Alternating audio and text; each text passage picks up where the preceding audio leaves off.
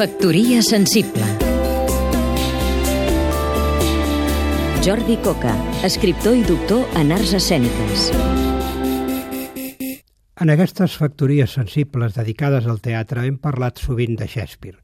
És inevitable, però ara toca referir-se a un autor sense el qual probablement, i des de diversos punts de vista, el gran Willy no hauria existit. Es tracta de Christopher Marlowe, que va ser batejat el 26 de febrer de 1564, ara fa 450 anys. Mort quan només en tenia 29, sembla que assassinat en una baralla de borratxos, Marlowe constitueix una baula imprescindible en l'evolució del teatre elisabetià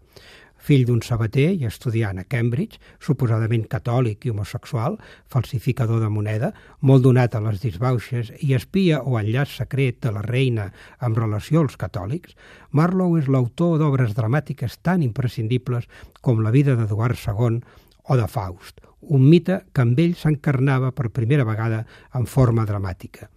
apassionat del vers blanc, i de fer declaracions escandaloses, com per exemple que Jesucrist estimava amb un amor extraordinari Sant Joan Evangelista, Marlowe és el precedent immediat que va fer possible l'obra de Shakespeare.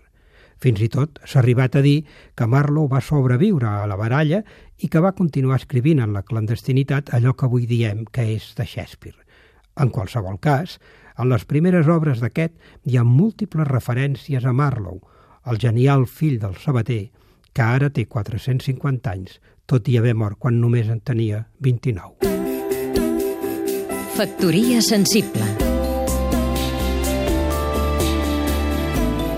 Seguim-nos també a catradio.cat